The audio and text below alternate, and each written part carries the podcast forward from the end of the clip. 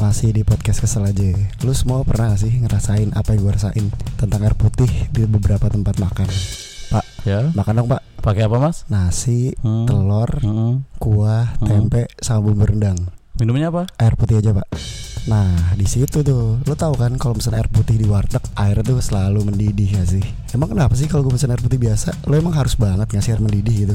Gue kan mintanya yang biasa aja Gak usah yang panas-panas banget gitu. Dengan lo ngasih gue air mendidih Lo berharap gue pesen es teh manis gitu.